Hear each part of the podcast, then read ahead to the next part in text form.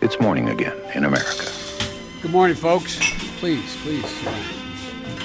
Come on, let's go. Let's go get some coffee. Thank you very much. Det er onsdag 30. september. Den første TV-debatten er unnagjort. Det er 34 dager igjen til presidentvalget, og morgenkaffen er servert.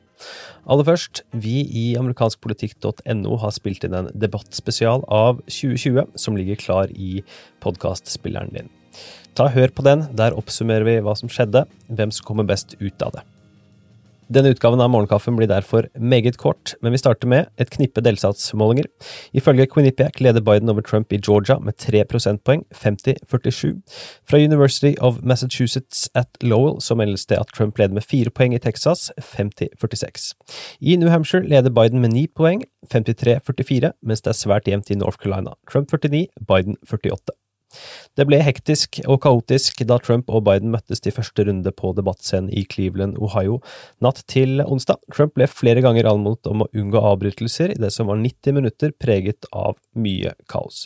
Moderator Chris Wallace hadde tidvis sin fulle hyre med å holde kontrollen på de to kandidatene. Biden kom best fra det, og Trump klarte ikke å gjøre det han måtte i denne debatten for å snu dynamikken. Vi kommer tilbake med mer om dette senere, men ta deg altså tiden til å høre vår debattspesial.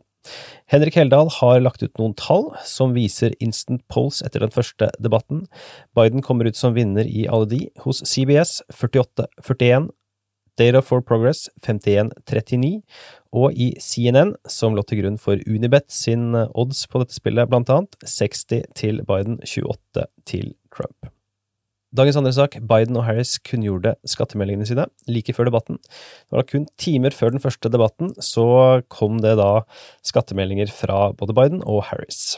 Biden, sammen med sin kode Jill Biden, betalte rundt 300 000 dollar i føderal skatt i fjor, mens Kamala Harris og hennes ektemann Doug Emhoff kunngjorde også sine tall. Og Biden og Harris har dermed offentliggjort henholdsvis 22 og 16 år med skattemeldinger. Temaet skatt har vært stikkordet for nyhetsbildet i det politiske USA siden New York Times slapp Donald Trumps skattedetaljer på søndag, og timingen fra Biden-campen var upåklagelig i så måte. Tall fra Newsweep bekrefter også at Times-saken har vært et hett tema på nett de siste par dagene. Med fire millioner klikk har saken allerede flere interaksjoner enn noe annet avisen har skrevet hittil i år. Av de ti heteste nyhetssakene som ble sluppet i tidsrommet søndag til mandag, var sju av de knyttet til saken om avsløringene gjort av New York Times. Dagens tredje og siste sak, over én million har allerede stemt. Ifølge en CNN-måling som har spurt valgfunksjonærer i 20 delstater, har 1,2 millioner allerede avgitt sin stemme til valget 3. november. 800 000 av disse stemmene har blitt avgitt i de delstatene som regnes for å være blant de jevneste i presidentvalget. I Wisconsin har mer enn 308 000 allerede forhåndsstemt, mens over 275 000 har gjort det samme i North Carolina. Disse to statene utgjør med det nesten halvparten av de registrerte forhåndsstemmene i undersøkelsen.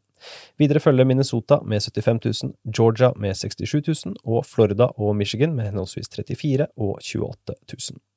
Dagens utgave av Morgenkaffen er servert av Henrik Skotte og undertegnede Are Togoklaten. Sjekk altså 2020, der vi har en debattspesial fra første runde mellom Trump og Biden.